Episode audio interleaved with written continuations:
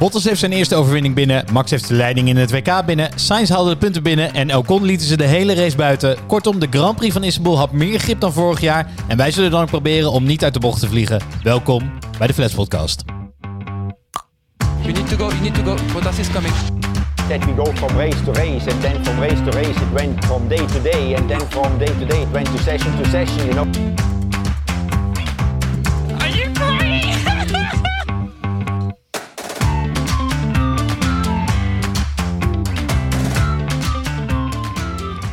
Hallo allemaal en welkom bij alweer de zestiende aflevering dit seizoen van de Flats Podcast. Waarin de meest amateuristische experts van Nederland je bijpraten over de zin en ook vooral de onzin van de afgelopen Grand Prix. En het was de Grand Prix van Istanbul. Dat doe ik zoals altijd en zoals altijd gelukkig met mijn twee mede-presentatoren, de twee P's, Pien en Peet. Hey. Nou, Nederland speelt ook vanavond. Kunnen een beetje in de hooliganstand. Ik zit al in de sfeer, ik zit al in de stemming. Mooi. Eh, jongens, voordat we beginnen, ik vroeg me af, hebben jullie die documentaire van Schumacher al gezien op eh, niet nader te noemen streamingdienst met de rode N?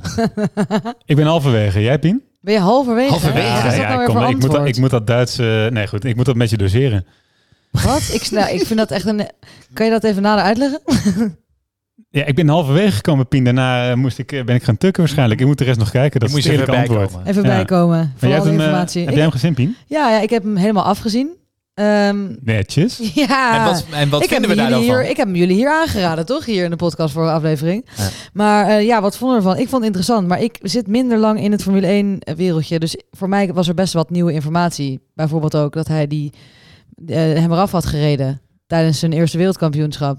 Dat vond ik wel bijzonder om te zien. Ja, het is wel, hij was eh, sneaky en hij was veel sneakier nog. Dat viel mij het meest op. Dat die Schumacher, hij was wel echt een vuile rijder hoor. Ja, en ze ja, hebben echt wel een paar dingen ook niet benoemd. Ja, echt? Ja, dus er Wat is dan? meer. Ja, misschien moeten we zo'n keer een geschiedenispodcastje doen. Nou, dat is niet helemaal ons ding, denk ik. Dan ga ik jullie alle vragen stellen. Dat is misschien wel een leuke overhoring. Onwacht Eto. Ja, dan moet ik ook wel even eh, het een en ander aan websites teruglezen. Maar wel weer leuk om te zien. En ook vooral omdat je denkt van Formule 1 is Formule 1. Maar als je dan 20 jaar geleden zo'n Formule 1 auto ziet, dan is het toch wat een en ander veranderd. Absoluut. Ja, maar dat is waar we het, hebben we dat de vorige keer ook over gehad. Dat er gewoon iedereen was onthoofd geweest, denk ik al. Als ze die auto hadden dit seizoen. Omdat er geen halo op zat. Nee, Ja, dan heb je toch wel eh, flink wat ongelukjes gehad, zeg man. Maar wat heb jij meegenomen, Bram, uit de serie? Want hoe heette die kerel ook weer die, eh, die verongelukte? Wat? In, in de eerste seizoen. Je bedoelt Senna? Senna? Ja. Ja? Die kerel? Senna? Maar Senna verhaal, daar, zat hij direct achter, toch, in die race? zegt Hallo, dat je mijn naam wat? is Peet. Eh, ik heb een Formule 1 podcast. Die En ik weet, niet, wie- ik weet niet wie Ayrton Senna is.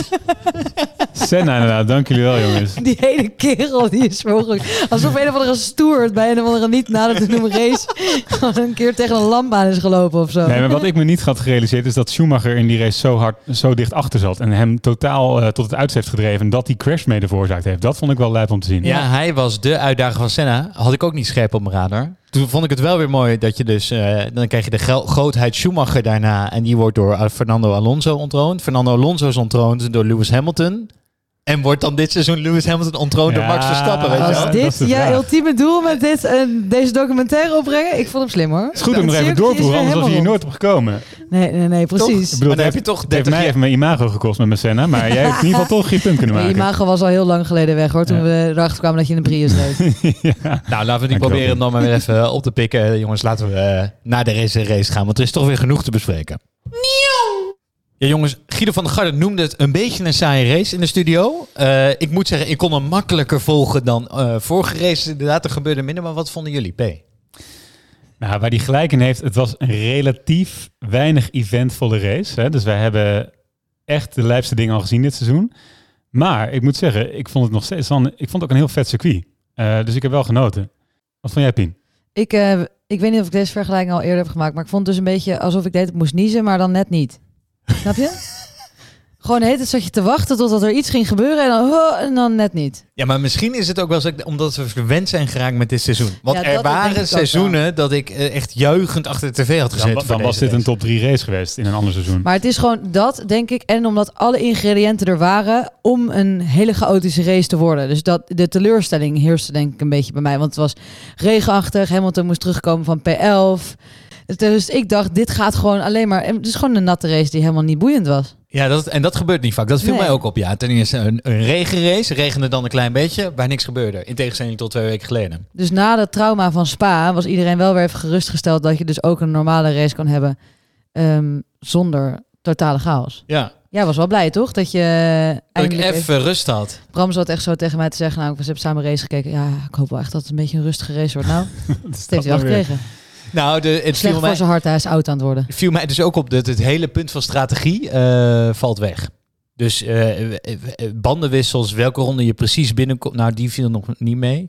Maar dus naar welk type band je ging in welke ronde. Dat was minder. Die spanning zat er niet in. Maar wat dan wel weer opeens achteraf een hele grote factor blijkt te zijn, is welke ronde je binnenkwam om nieuwe intermediates te halen. Ja. Nou, En het is toch wel, ik vond het toch ik vond het best strategisch eigenlijk. Tenminste, ja, je, het zijn best wel wat risico's die mensen moesten nemen, want het heet het net niet, het was het, het net niet regen.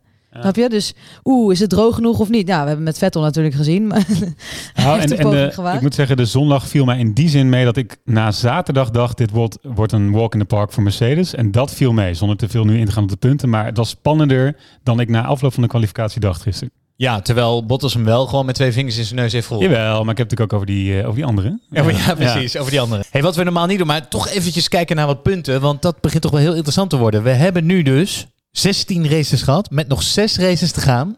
Het zijn er weinig. Staat Max 6 punten voor op Lewis. Nou, dat is dus helemaal niks. Voor de leken onder ons. Een eh, overwinning is 25 punten waard. Hè, dus eh, dat geeft aan dat 6 punten echt... eh, hoeveel is twee dan? Onverwachte Esso. 18. 18. Phew, just made it.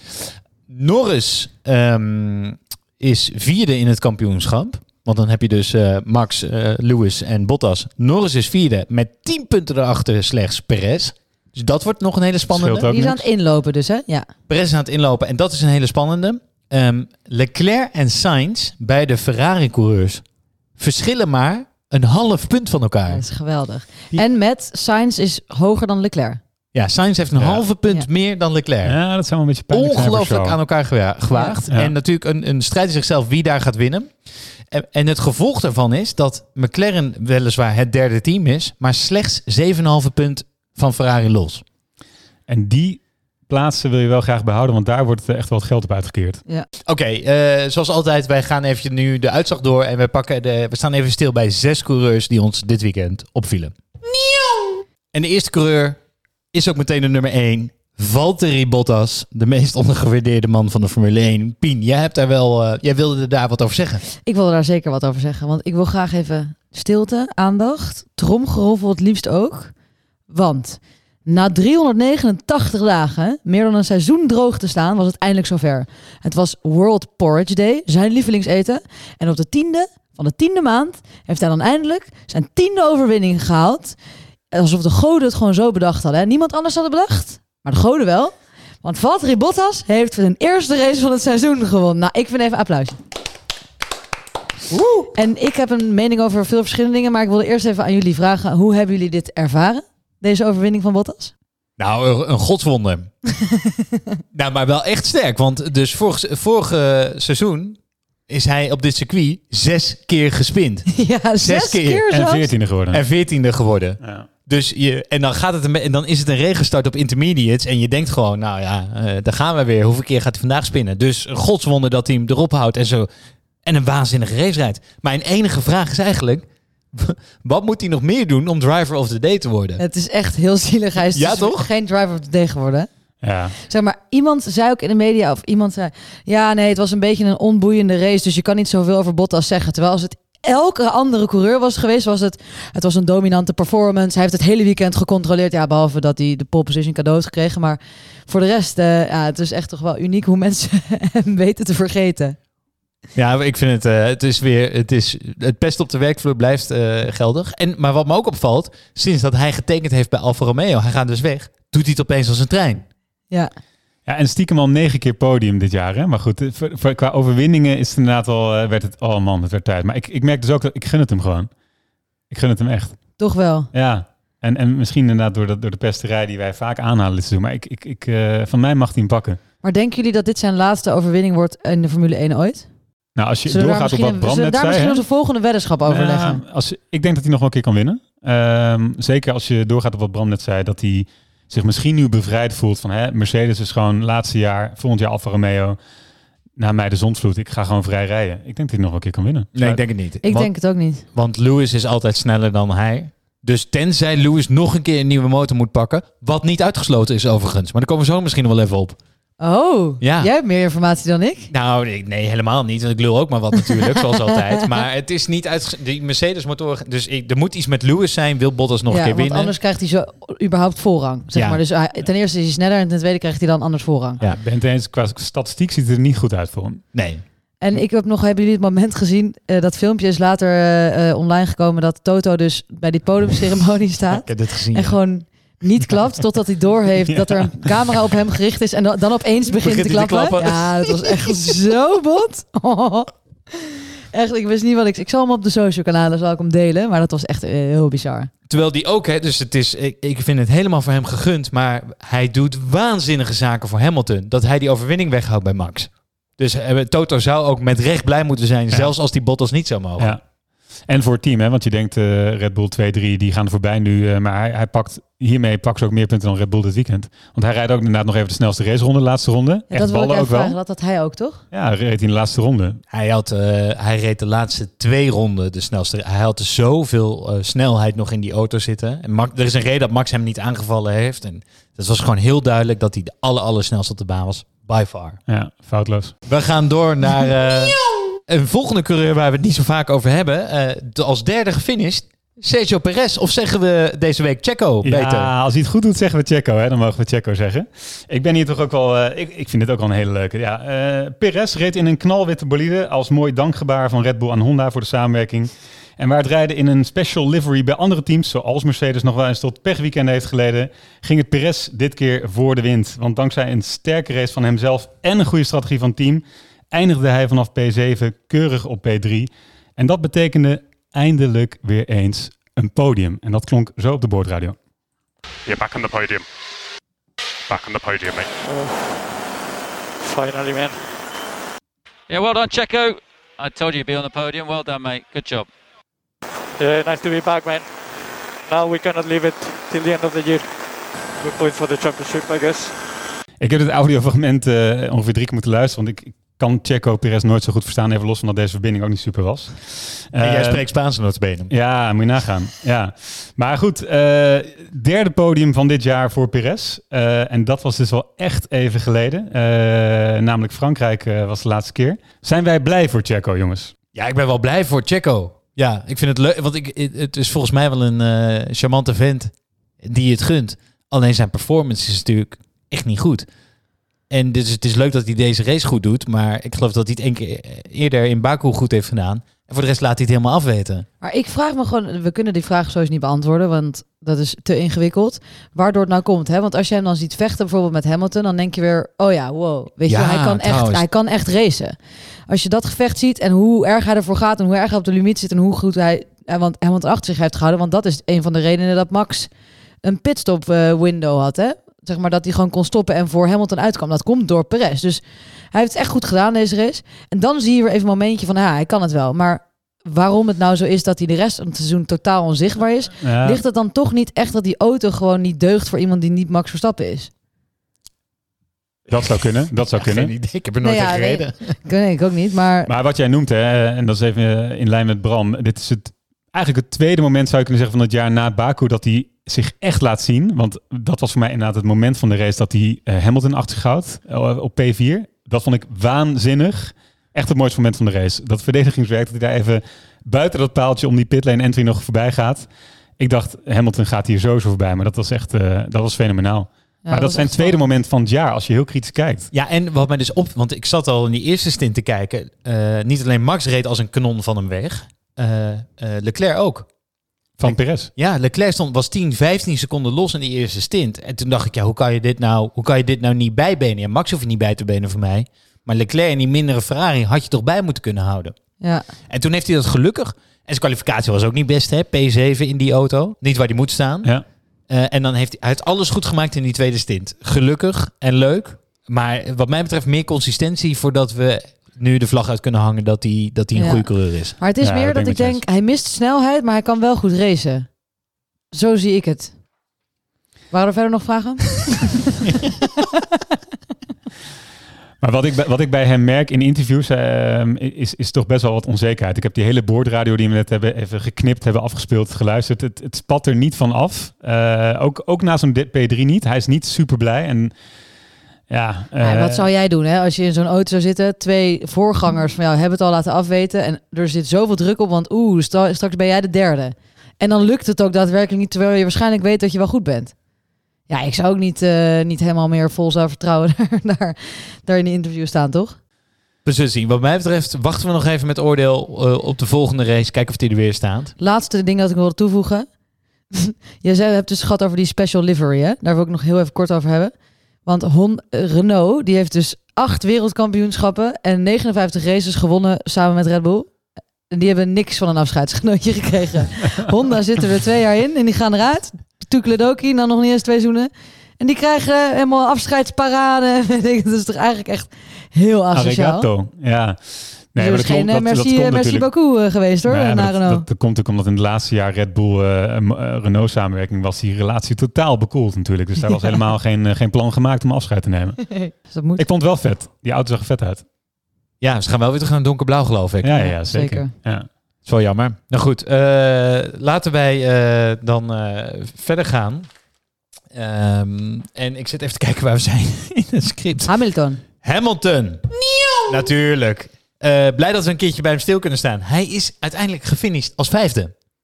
En hij heeft een waanzinnig weekend. Hè? Die, die vrijdag, jongens, ze zijn snel. Moeten we het sowieso nog even over hebben straks. Echt heel snel. Red Bull houdt ze hard vast. Die kwalificatie loopt Red Bull al iets in. Maar Hamilton, heer en meester, rijdt een waanzinnige kwalificatie. Dan gaat die race starten in de regen. En dan denk je, nou, ik had echt, ik had echt verwacht dat Hamilton nog die race zou winnen.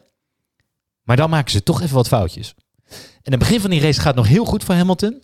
Hij haalt een paar, een paar mooie inhaalacties. Hij is, nou ja, Tsunoda heeft zijn eh 10 minutes of fame uitgezocht deze ja, race. zeker. Hield hem knap achter zich, maar goed, daar gaat hij dan nog voorbij. Ehm, maar, en dan komt uiteindelijk dan toch, ja, hij rijdt derde, heeft nog niet gestopt. eh, weigert in eerste instantie om te stoppen met zijn team. Dan komt er een soort eh, debat wat eh, hier eh, in, in de balie in Amsterdam had kunnen plaatsvinden. Waarvan 15 ronden lang tussen hem en een team of hij nou wel of niet moet stoppen.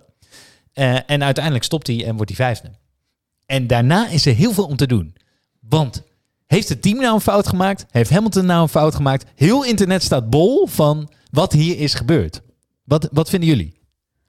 Nou, dit is een beetje zo'n scenario wat we vorige week met Norris hebben besproken. hè? Er hadden een aantal dingen kunnen gebeuren. Namelijk, als hij buiten was gebleven en hij had gewonnen, was hij de held. En als hij buiten was gebleven en zijn band was geploft, was hij, was hij de nerd geweest, toch? Hij had gewoon...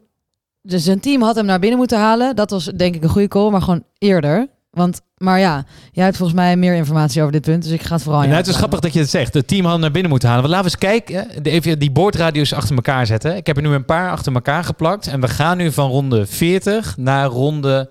Ik geloof uiteindelijk 52 dat hij stopt. Maar in ronde 40 roept het team hem gewoon binnen. Let op. Box, box, box, box. Why? Uh, new inset is the way to go. We're under threat from I don't think it is, man. Uh, we also have Gasly coming into our window, mid 33s.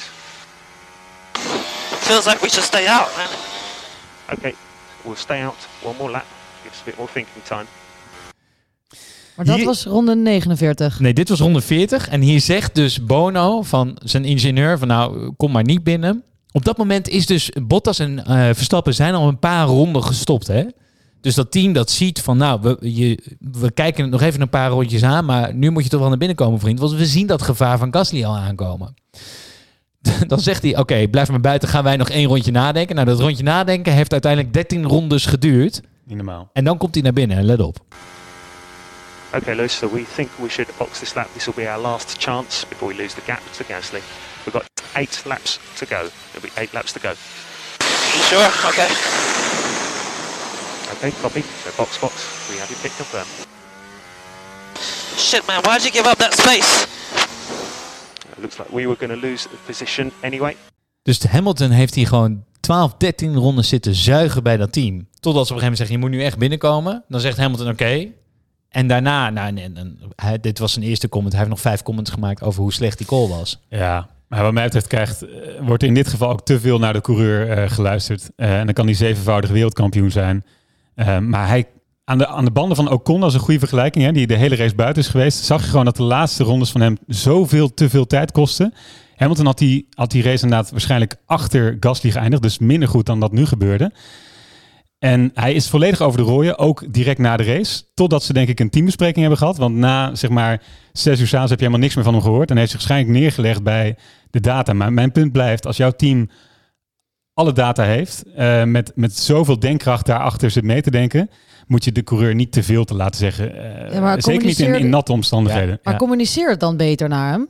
Want Ja, waarom dat- geef dat je hem de ruimte om, Ja. om zo makkelijk nee te zeggen? Dus Zeker. als jij, dan hadden ze toch tegen hem moeten zeggen: Yo, gozer, allemaal leuk en aardig hoor, maar eh, dit en dit en dit en dit. Dan had hij niet echt een keuze Nou, gehad. dat, Maar mijn, hebben, dat zou mijn enige kanttekening zijn bij Mercedes. Van eh, de call om hem binnen te halen goed, maar eh, eerder doen en, en minder discussie. Als ze, dat, dus als ze hem gewoon binnen hadden gehaald op dat eerste moment, wat we net lieten horen, dus een paar rondes na Verstappen en Bottas, had hij gewoon met Perez kunnen vechten om P3. Zeker. Dus dat is, dat is wat mij betreft de grote fout. En ik ben met je eens, P. Ja, ze luisteren te veel naar hem. Maar hij moet dus ook gewoon even zijn scheur houden. En gewoon die pitstraat inrijden. Ja, totaal. ja, maar ja, En- ja. Hetzelfde als met Nor- Dit is wel, ik ga weer een vergelijking maken met Norris, maar dat was ook, ze luisterden te veel naar hem. Ze moeten gewoon strenger zijn, toch?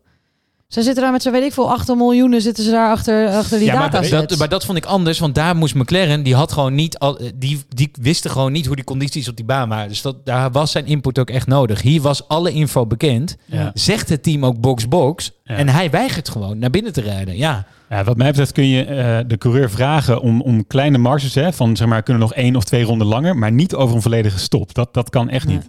En het is, uit, het is wat je zegt, want Ocon heeft dus in die laatste ronde ten opzichte van Giovinazzi met wie hij aan het vechten was, zes seconden verloren in één één ronde. ronde. Dus eh, hij Dat had was- nooit ja. die positie kunnen verdedigen op P3. en dat nooit. gat. Ja, er zit een enorm gat op de band van eh, Ocon. Ja. Dus dit is Want een. man van Pirelli had ook inderdaad gezegd, eh, toen- nadat hij die band van de eerste stint bij Hamilton had gezien, hij had het niet gehaald. Dat heeft een topman van Pirelli uiteindelijk gezegd, omdat je het karkas van die band al omhoog zag komen. Ja, nou en dan heb je dus nu dus weer een race. Het is niet de eerste keer dit seizoen dat er door een strategische fout bij Mercedes punten verloren gaan. Dat was in Paul Ricard zeker het geval. En volgens mij hebben we meer gevalletjes Ja. gehad. En dit zou wel eens heel duur kunnen zijn aan het einde. Stel je voor hè, dat hij dus op, op dit aantal zes punten, zeg maar het kampioenschap, of op vier punten die hij heeft misgelopen, het kampioenschap verliest. Nou, Ja, dan is dit een race waar je naar gaat wijzen. dan Ja. ben je zuur. Ja, dan is dit een race waar naar gaat wijzen. Ja. Maar hij heeft zich allebei neergelegd. Hij is wel eh, al, eh, heeft hij een statement gemaakt dat hij, eh, we win to together we Ja, lose waarschijnlijk hebben ze hem even achter een monitor gezet met wat data. Nou, dus dan, en dan nog het laatste punt. Want ik vind het dus wel een waanzinnige coureur. Ik vind dit dat hij een fout maakt. Maar dat het toch weer een enorme eikel is hoe hij zijn team affakkelt hè, aan, eh, bij de interviews. Net zoals naar Monaco. Ja, Is dat zo bij de erg interviews, geweest? ja. En de, tijdens de race begrijp ik het, want dan ben je gewoon hoog in emotie. Maar bij de interviews was het wel weer pijnlijk hoor, man. Ja, want eh, Jack die vroeg aan hem, dat was de enige vraag die Jack stelde, overigens op zondag. Van, eh, was het zo moeilijk om te bepalen wanneer je binnen moest komen? En dat hij zei, nou voor mij vond, was het helemaal niet moeilijk. En de, weer die impliciete ondertoon, weer die verwijten Ja. naar dat team. En ik denk, ja, je ware uit komt weer eens boven. Maar goed. Hey, genoeg over Hamilton. Ja, nou, ik had nog wel even één puntje. Ehm, stel, jij pakt pol op zaterdag. Je heet Lewis Hamilton, je pakt pol. En je krijgt daarna een gridstraf voor een nieuwe motor. Waardoor je tien plaatsen naar achter moet. Dan geef je toch ook die pol aan Hamilton. Want nu is het dus zo. Voor de, Bottas.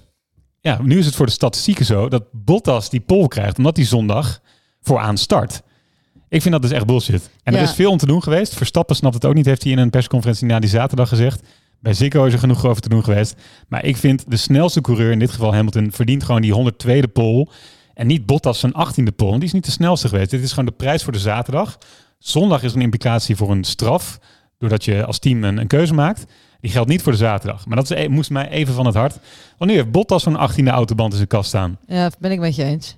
Nou, de- nee, ja, dus ik heb er niet zoveel mening over. Maar wat me dus wel opviel, was dat Hamilton wel de trofee kreeg, maar niet de credits. Dus Hamilton heeft zelf die trofee gegeven aan Bottas. Maar dat is natuurlijk een discrepantie die niet moet kloppen. Nee, dat slaat nergens op dat Pirelli eh, wel die band geeft. En dat, het niet, dat de statistiek naar Bottas gaat. Dus dat maakt het ook al verwarrend. Ja. En om ook deze aflevering weer een stukje verwarrender te maken. eh, we zijn op de helft en dat betekent dat wij zoals altijd naar onze rubriek gaan buiten de baan. Down,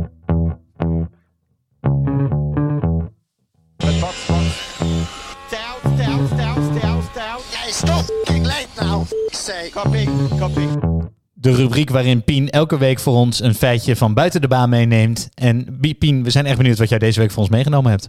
Ja, de nieuwe James Bond film is uit. Zoals jullie eh, waarschijnlijk wel weten en of gezien hebben. Hebben jullie gezien? Nog niet, nog niet. Nog niet? Nou, en Aston Martin is natuurlijk eh, groot sponsor van die film. Dus toen waren er ook een aantal Formule 1 coureurs bij die première. Was allemaal leuk, leuk, leuk. Toen op een gegeven moment werden ze in de persconferentie van de volgende race gevraagd hoe ze die film vonden.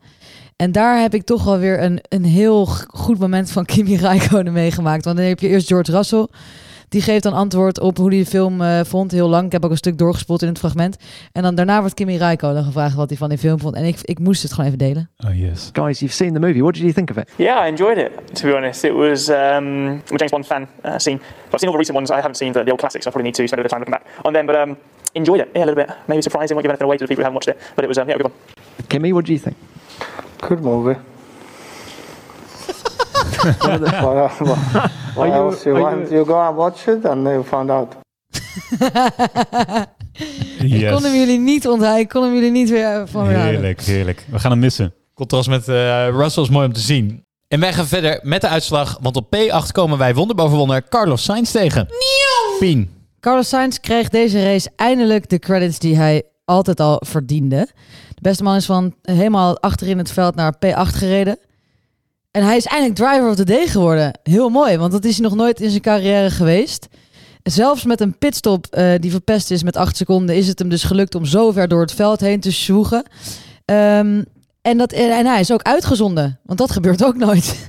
Er is nu een soort van running gag van gemaakt dat eh Sainz nooit wordt uitgezonden en de rest wel. En dat is ook eindelijk gebeurd. Dus ik denk dat mensen eindelijk begint op te vallen dat hij gewoon hartstikke goede coureur is. Die dus maar 0,5 punten achter zijn ervaren teamgenoot staat.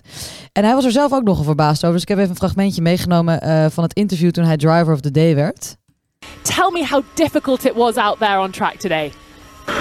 Oh, really? Oh, okay. Cheers. Uh, first driver of the day of my life. It took me a few, a few years uh, to get driver of the day. Uh, but yeah, thank you. Um, Dus mijn vraag aan jullie, gaat hij denk je onder of boven Leclerc eindigen in het klassement? Als hij zo doorgaat erboven. Alhoewel, Leclerc reed ook wel goed. Hè? Die gaan vandaag niet behandelen. Leclerc is wel erg sterk. Maar ja, Sainz is gewoon constanter over het algemeen.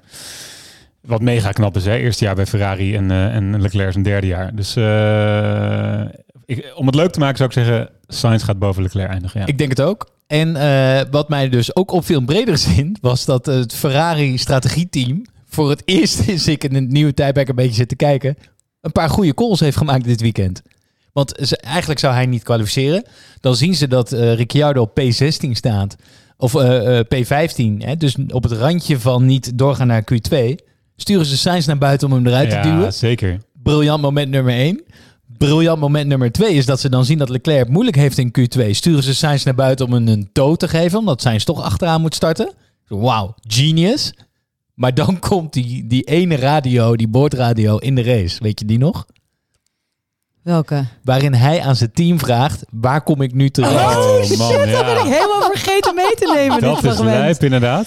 En maar Wow. in de alle, alle ja, wat, wat antwoorden ze dan? Als je voor Bottas blijft voor het Ja, eerst. Ja, ja, dit is maar lief Le- dat ik dit ben vergeten mee te nemen. Ik snap het niet. Leclerc ligt op Oh. P1 en vraagt aan zijn team, want die rijdt minder snel dan zijn eh, achtervolgers, vraagt aan zijn team, als ik met deze snelheid doorga, waar eindig ik dan ongeveer? En zijn radio-engineer met droge ogen, als jij Bottas achter je houdt, P1. Ja, dus echt, dan heb je zulke Ja, dat goede antwoord had hij dan net niet verwacht.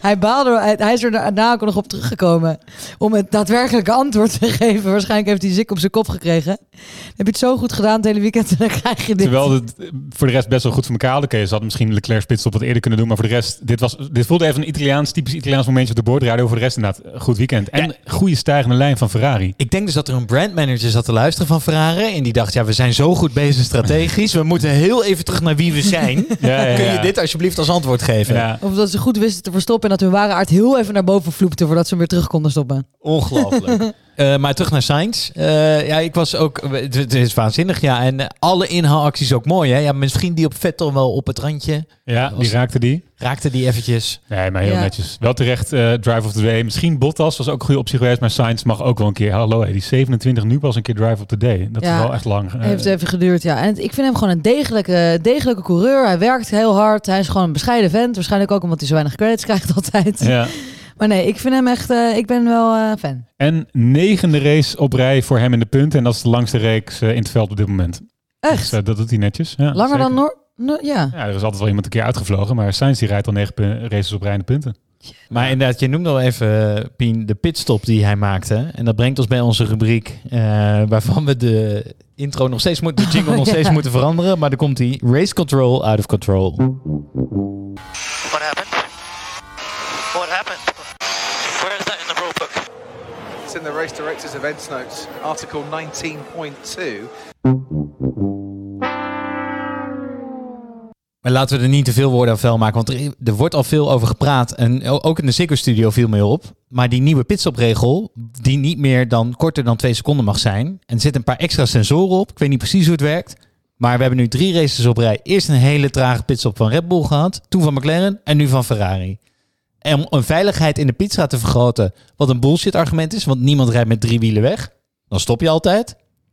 Ehm, en het maakt de sport er echt niet leuker op. Dus een pitstop die lang duurt door een fout vind ik tot daar aan toe. Maar nu, Hier kan niemand iets, aan doen. je zit gewoon te kijken naar een team wat helemaal klaar is. En niemand doet iets, Ja. maar er springt gewoon een sensor niet op groen. Ik vind het mega frustrerend. Ja, zeker. En het is een sport waar je eigenlijk de technische hoogstandjes wilt zien. Hè? Het crème de la crème van de inno- innovatie. En dit is zo super frustrerend, joh. Een of andere kutsensor die daar eh, niet goed zit. Het is elke week ellende. En het is gewoon echt, echt nadelig voor de sport, voor de race. Maar moet je je voorstellen, wij zijn al gefrustreerd. En moet je je voorstellen als je die pitcrew bent. Want dan moet je dus weer met elkaar aan de vergadertafel gaan zitten, hoe wat er fout is gegaan. En dan zit iedereen met zijn handen omhoog. Ja, ik was het niet. Wat Oké, een gezeik. Maar stel je voor dat je in die auto zit, hè, in dit geval Sainz. Maar als ik nou rechtsvoor nog een monteur aan zo'n, aan zo'n, eh, noem het, aan zo'n eh, wiel zie trekken, dan weet ik wat er mis is. Maar nu staat iedereen stil, alsof je in een slechte film bent beland. En je weet niet wat er gebeurt en hoe lang het gaat duren. Ik, zou, ik word nog knettergekker als dat gebeurt, denk ik, dan dat ik zie wat er fout Ik moet wel zeggen, het is wel precies hoe ik me elke maandagochtend voel bij het stoplicht. Als ik denk van dit staat onnodig op rood. Eh, het is een beetje dezelfde frustratie. Ja, ja. Maar en inderdaad, dan zie je dus hoe zenuwachtig je wordt met pitstops. Dus toen Red Bull weer een pitstop moest maken en die hadden dus twee seconden, dacht ik, wow, dit had ik wel echt niet zien aankomen. Iedereen is bang voor de pitstop nu. Ja, bleef moeten Hamilton daarom wel buiten. Die was bang voor, die, voor dat gekke vliegwiel. Hamilton wilde niet pitten door die sensoren. Nee, nee, ja, precies. En dan nee, Ocon heeft mooi ontsnapt dus. Maar wat gaan ze hier nog iets aan doen? Zeg maar, want ik kan me voorstellen dat teams wel hebben geklaagd hierover, toch? Niks daarover. Alleen in de pers pik ik het op. Dus goed. Nou, wij gaan het ook niet oplossen, maar dat is een frustratiepuntje. Eh Pien, jou viel ook nog wat op rondom dat Gasly-moment, hè? Ja, nou, ik ben gewoon nogal geïrriteerd überhaupt gewoon eigenlijk op die mensen daar. Want ze zijn zo inconsistent straf aan het toepassen eigenlijk, vind ik, de afgelopen tijd. Eh, het is echt een beetje... Volgens mij zit er geen lijn meer in wat zij doen. Dus inderdaad, eh, Gasly heeft natuurlijk in de eerste ronde eh, met Alonso, toch? Ja. Zeker. Een aanraking gehad. En dan hebben ze het hele ding gemaakt van let them race. En de eerste ronde is, kunnen het een race incident zijn, want iedereen is op elkaar. Hups, vijf seconden time penalty. Begrijp je toch niet? Ja, ik moet, die ja, ze hebben daarvan gezegd dat Gasly niet echt in de sandwich zat. Maar Dus- het is wel. Het is gewoon. Mijn punt is gewoon een beetje. Er wordt zelfs voor de coureurs is het onduidelijk soms waarom ze straffen krijgen, omdat er gewoon niet duidelijke regels zijn. Ja, maar eh, goed, duidelijke regels. Eh, voetbal is ook altijd een interpretatiesport geweest. Dus daar heb je, je hebt in geen enkele sport 100% duidelijke regels, behalve misschien tennis. Ja. Dus het, dat, het blijft wel jurysport. Dus ik hoef niet 100% consistentie. Alleen je wil gewoon wel de absurditeiten eruit halen. Ja, en ik vind in zo'n eerste ronde dat je iemand gelijk een tijdstraf gaat geven over een beetje een ambigu incident, vind ik gewoon raar. Weet je hoeveel shit er gebeurt in zo'n eerste bocht, de eerste paar bochten? Ja, hier snap ik de twijfel dus wel. En dus eventueel ook de straf. Omdat inderdaad die, hij werd niet volle bak gesandwiched, die Gasly. Want de Perez zat links van hem. Daar zat wat meer ruimte in dan, wij, eh, dan Gasly deed vermoeden. Maar goed, verder eh, eens met je, met je punt dat je een grotere lijnen maakt. Wij gaan ehm, door met de nummer 10 op de lijst. Dat was Ocon. Ik wil dit eigenlijk heel kort houden, want er is helemaal niks te zeggen over die race van Ocon. behalve dat hij niet gestopt is. En dat is sinds 1997 niet gebeurd. Dat er iemand geen pitstop heeft gemaakt. Eh, het heeft hem ook heel weinig gebracht. Hij begon als twaalfde. Hij eindigt als tiende. En dat komt omdat hij eh, bijvoorbeeld Alonso die spin maakt natuurlijk. eh, Vettel die verkeerde keuze maakt. Hè, dus eh, hij heeft wat gelukjes gehad her en der. Het heeft hem echt helemaal niks gebracht. Eén ronde later, hij had een lekker band gehad. Heeft hij zelf gezegd in de media. Hij stopt. Je ziet een waanzinnige flatspot zitten. Wat dat betreft ook wel een goede reden om hem nu even te behandelen. Eh, maar dat is het noemen waard. En dan gaan we gewoon weer meteen door. Met iemand die wij heel weinig behandelen in deze show. En dat is Mick Schumacher. Ja, mooi om even stil te kunnen staan bij iets positiefs rondom Haas. Dat mag ook wel een keer. Eh, want Mick Schumacher reed voor de tweede keer dit jaar naar een Q2-kwalificatie op zaterdag. Bij de beste 15 dus. En die was daar erg blij mee. De tweede keer? De tweede keer? Tweede keer. Ik Ja. dacht de eerste keer. Nou ja, jongens, ik doe wel mijn research. ik heb echt een eh, groot punt gemaakt van de eerste keer. Echt? Het is de tweede keer wat ik op Formule1.com las. Eh, Ik kan dat straks even checken in de pauze misschien. Klinkt als een betrouwbare bron. Nee, maar die was daar erg blij mee. Dat blijkt wel uit eh, de boordradio na de kwalificatie. We are through, Mick. We're through. Okay. Yes! Need to be negative on yeah! delta time. Nice work, buddy. Need to be minus on delta time. Come back to us. Yes, guys. Fuck yeah, man. Oh. Good driving. Let's go to the next one. Heeft hij nou Het- gescholden? Het, mooie is, hij heeft inderdaad gescholden, ja. Wat maar gebeurt het er nou? mooie is, die kerel is dus in staat om nu al donuts te gaan trekken op de circuit om dit te vieren. Maar die moet natuurlijk nog Q2 gaan rijden. Dat hoor je een beetje aan de stem van die engineer. Van jongens, eh, Mick, we moeten nog even nog een paar ronden gaan rijden. Hé, maar jongens, we zijn niet altijd positief geweest misschien over de skills van Mick Schumacher. Is misschien ook wel wat lastig in te schatten in zo'n Haas-auto. Maar je zou natuurlijk op basis hiervan kunnen zeggen... hij laat twee Alfa's achter zich, hij laat een, eh, een eh, Williams achter zich... hij laat zelfs een, een McLaren achter zich. Zit er niet toch wat meer in het vat voor deze zoon van? Ik heb het dit afgevraagd, maar ook hiervoor moet ik eerst meer bewijspunten gaan zien. Ja, het is, het is natuurlijk lastig eh, vergelijken als je geen vergelijkend materiaal hebt qua auto. Je kan hem alleen aan Mazepin vergelijken en dat is natuurlijk een kansloze vergelijking. Ja. Maar eh, ik vond het wel mooi om te zien hoor. Want eh, even, even zonder grappen, Latifi achter zich, eh beide Alfa's, Ricciardo achter zich. Dit was best wel een knappe prestatie. Oké, er waren eh, bijzondere weersomstandigheden. Waar is hij geëindigd in de race? P19. ja, dat klopt. En dat is mijn volgende punt. Deze kerel, en dan zie je de mooie uiterste van de sport in één weekend. Die gaat natuurlijk met zo'n goede vibe eh, die zaterdagavond in zijn bedje liggen. Staat zondag op, start zijn race. En die wordt dan in ronde twee, en dit is, er wordt gewoon een jongensboek doormidden gereden, door Fernando Alonso. Super gefrustreerd door die crash met Gasly. Volle bak van de baan getikt. Oh ja. En eh, daarna rijdt hij achteraan, haalt hij alleen nog Mazepin in. En finisht hij op P19. Dus al met al een bewogen weekend voor Schumacher. Maar het zag er wel even heel mooi uit. Ja, en het is het noemer waard. Het is een hoog cijfer waard. Ja, het is wat je zegt. Je hebt niks om, hem, om hem eh, mee te vergelijken. Zijn auto is by far het slechtst van iedereen. En hij is echt heel veel beter, denk ik wel, dan Mazepin. Want dat is natuurlijk een clown. Dus we hebben geen idee hoe goed hij eigenlijk is. Ja. Hey, en over finishen gesproken, nog even een eh, fun fact van eh gisteren. Alle 20 coureurs zijn gefinished, jawel, ook bij de Hazen. En dat is de twaalfde keer in de geschiedenis van de Formule 1 dat dat gebeurt. Derde keer dit jaar, maar twaalfde keer in de geschiedenis van de Formule 1. Dat is mooi. Mooi afsluiter ook van ehm, de terugblik op deze race. Ehm, voordat we naar de slot gaan, hebben we nog een aantal rubrieken waar we even langs gaan. Te beginnen met de lekenvraag van de week.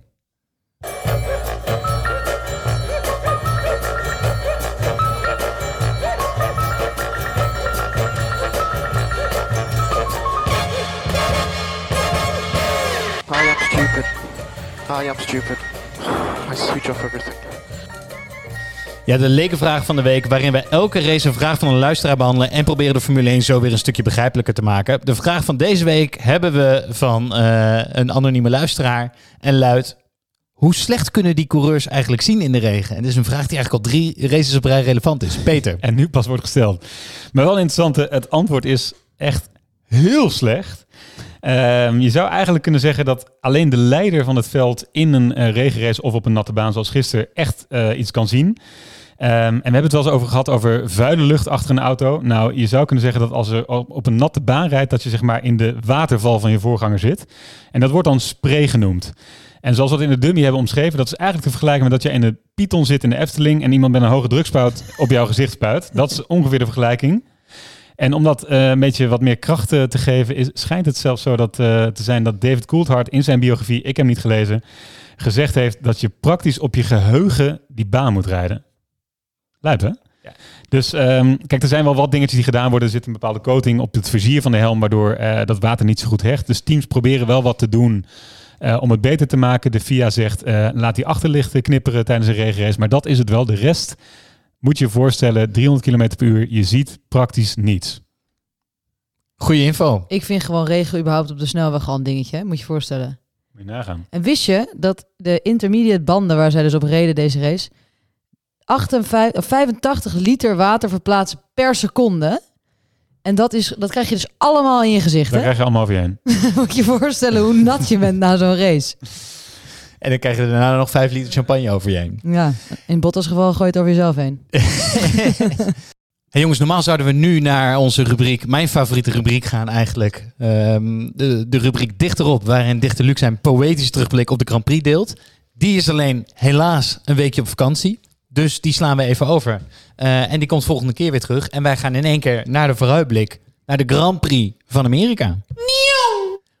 De Grand Prix van Amerika wordt ook wel als een verplicht nummertje genoemd, omdat de Amerikaanse eigenaren zijn van de Formule 1. En ehm, we hebben ook wel in onze Voor Dummies aflevering uitgelegd dat het eh, best wel een Europese aangelegenheid is, een Europees feestje, die Formule 1. En er is natuurlijk een, wel een waanzinnige kijkersmarkt in de VS beschikbaar. Dus ze hopen toch altijd nog steeds veel meer populariteit in de VS te winnen. Dus de Grand Prix van Amerika moet er altijd op. En dan gaan we dus weer naartoe over twee weken. En dat heet ook de Circuit, circuit eh, Circuit of the, of the Americas. Niet meer de enige eh, Amerikaanse Grand Prix hè, vanaf volgend jaar. Omdat Miami erbij komt. Mhm. Ja. Twee stuks, ja. Dan zie je ook weer die hand van die Amerikaanse eigenaar. Hey, maar uh, eventjes naar die uh, Grand Prix. Wat kun je erover zeggen? Het is uh, in ieder geval de layout. Het is, het is een vrij recent circuit. Dus van een, 2012, van een topontwerper. Ja. En het is een combinatie van Silverstone, Istanbul en Hockenheim. Dus hij heeft Klopt, eigenlijk... Ja. Kijk, normaal, normaal zijn Aziaten de copycats, maar in dit geval zijn de Amerikanen, of in ieder geval Amerikaans grondgebied, gewoon letterlijk een kopie van bochten uit andere circuits. Hebben ze het zo gemaakt? Ja. ze hebben ook echt geen eigen cultuur, hè, die mensen. Paf, ik weet niet eens of die designer Amerikaan is, maar Nee, maakt niet uit. Voor het we verhaal hadden, leuk. We hadden al niet zoveel luisteraars daar, maar bij deze is het gewoon gedaan natuurlijk. Ehm, het, het tweede punt wat ik er nog zinnigs over kan zeggen is dat dit het laatste circuit is van, de, van de, dit seizoen. Dus eh, van de zes ook. Dit- wat een heel duidelijk Mercedes circuit is. Ja. Hierna komen er of alleen maar Red Bull circuits of twijfelachtige. Dus, eh, maar goed. Eh, eh, ja, misschien dat er nog wel meer Mercedes circuits komen naar de performance deze week. Maar ik verwacht volgende week dus ook wel weer echt veel Mercedes vooraan. Ja, klopt. Dus Mercedes heeft tot nu toe eh, zes van de acht races daar gewonnen. Ehm, en, en dat zegt genoeg. Ik hoop echt dat het dit jaar spannender wordt. Ik zat vandaag nog even 2019 terug te kijken. Hamilton en Bottas met afstand voor Max. Ehm, dus laten we hopen dat het dit keer wat spannender wordt. Daar lijkt het natuurlijk wel op als we naar het seizoen kijken. Maar ik denk het dus eigenlijk niet. Want als ik heel eerlijk ben, en dat is een beetje de takeaway van mij dit weekend. Hoe freaking veel beter die Mercedes Ja. was dan die Red Bull. Dat Ja. is een goed punt. Dat wordt wel echt een dingetje hoor. Want eh, ik- de- dus volgende week of volgende race gaat het sowieso dus waarschijnlijk Mercedes worden. Maar daarna wordt het dus niet meer zo... eh, niet meer zo'n walk in the park hoor voor Red Bull. Nou, onze, onze collega-podcast bij Radio 1, meneer Lammers, die had een goed punt over. Hij zei, het lijkt erop dat sinds de zomer bijna alle teams sprong hebben gemaakt met updates, behalve Red Bull. En dat vond ik wel een interessante. Mercedes lijkt inderdaad ook per race na de zomerstop sprongen te maken, of heeft in ieder geval een aantal updates gedaan die succesvol waren. En Red Bull lijkt wat achter te blijven. Dat betreft vind ik jouw punt een interessante, Bram. Zou het ook wel eens wat vertekender kunnen worden in Amerika als het daar niet regent? En was het misschien ook meer vertekend geweest als het afgelopen weekend niet in Turkije had geregend? Daar haal ik twee dingen uit. Eén, je luistert een podcast voor ons podcast. Dat vind ik heel mooi. En twee, ehm, zelfs inderdaad, zelfs Christian Horner is gaan zeiken bij de FIA. En dan weet je dat het echt mis is. Ja, want waar heeft hij ook weer over gezegd? Over Mercedes, dat ze opeens zoveel meer topsnelheid hebben en waar dat dan vandaan komt. Dus als je dat gaat doen, dan weet je dat Red Bull echt een beetje een kat in het nauw is. Ja, iets meer detail daarachter is dat eh, zij zien veel meer topsnelheid in die motor sinds Silverstone erin komen. Hij loopt nu dus 10 km per uur harder ongeveer. En zij, er is een, een technisch dingetje wat zij vermoeden dat Mercedes is gaan toepassen wat niet zou mogen. Interesting. Ja. Het is een hele open vraag, lijkt het van Horner. Echt een eh, op weinig gestoeld. Zo. Ja, het, het is ook het tiende punt. Onder, we hebben het over voorvleugels gehad, over achtervleugels. Over, we- ze trekken natuurlijk alles uit de kast. Het is keffertje, hè? Maar Keffertje. twee kanten op. Maar ik, ik, als er niks verandert aan die regelgeving, laten we daar even van uitgaan. Denk ik dat ik nu eh, zou Hamilton zou zeggen, als ik zou zeggen wie de wereldkampioen gaat worden. Oeh, statement. Ja, wel echt zuur. Ik blijf nog even bij Max, maar dat komt ook omdat ik dit even moet verwerken, dit nieuws, denk ik. Begrijp ik. Ehm, hebben we nog meer wat we onze luisteraars mee willen geven over de Grand Prix van Amerika? nou, maar- niet zozeer... Sorry, Pien, ga je gang? Oh nee, de- let vooral gewoon op de, dus de spannende battles hè, die we aan het begin van de aflevering hebben geschetst. Dus Ferrari, Leclerc en Sainz. En Zeker. Max en Lewis natuurlijk, sowieso. Maar dat gaat dus super spannend worden, dus kijk daar vooral naar. En had jij nou nog een geruchtje, de geruchtje dat Hamilton misschien nog een motor nodig heeft? Oh ja. Nou, Bottas is, het is niet een gerucht, maar Bottas is aan nummer 5 bezig dus. En in Sochi heeft hij motor gewisseld. Er werd gezegd om Max te blokken, omdat Max ook achteraan moest starten. Maar daarvan heeft Mercedes toch wel echt aangegeven, nee jongens, dit was echt nodig. Die nummer 4 die was gewoon na één race stuk. Dus die, de, er is een betrouwbaarheidsissue in die Mercedes motor. eh, Ricciardo ook weer zijn Mercedes motor gewisseld eh, nu in Istanbul. En het is dus niet per se gezegd dat Hamilton hem nu uit kan rijden. Terwijl de betrouwbaarheid van de Honda een heel stuk beter is. En het is dus wel gezegd dat Max hem uit kan rijden onder normale omstandigheden. Dus die motor van Mercedes is tyfus snel, maar niet betrouwbaar. Daar komt het op neer. Het is het eerste seizoen eigenlijk in zeven jaar dat ze hem echt tot de max moeten pushen natuurlijk, die motor. En eh, er komen nu dus issues aan het licht die, eh, die we de afgelopen seizoenen niet gezien hebben. Nou, leuk om eh, mee te nemen richting die hogere races in Mexico en Brazilië. Want daar hebben ze ook altijd wel problemen. Ja. Maar dat voor na Texas. Precies. Hey, wij gaan dus eh, de aflevering afsluiten, jongens. Heel veel dank weer voor het luisteren. En voordat we weggaan nog even dit. Wij hebben onze laatste Voor Dummies aflevering vandaag online gezet. Dus maak je op voor nog meer luisterplezier. En zoek hem snel op in jouw favoriete podcast app. En als je dan toch bezig bent, volg ons ook op Insta. Kun je lachen. We zien jullie graag volgende race weer bij de Race of the Americas. Bye bye. Doei, doei. Bye.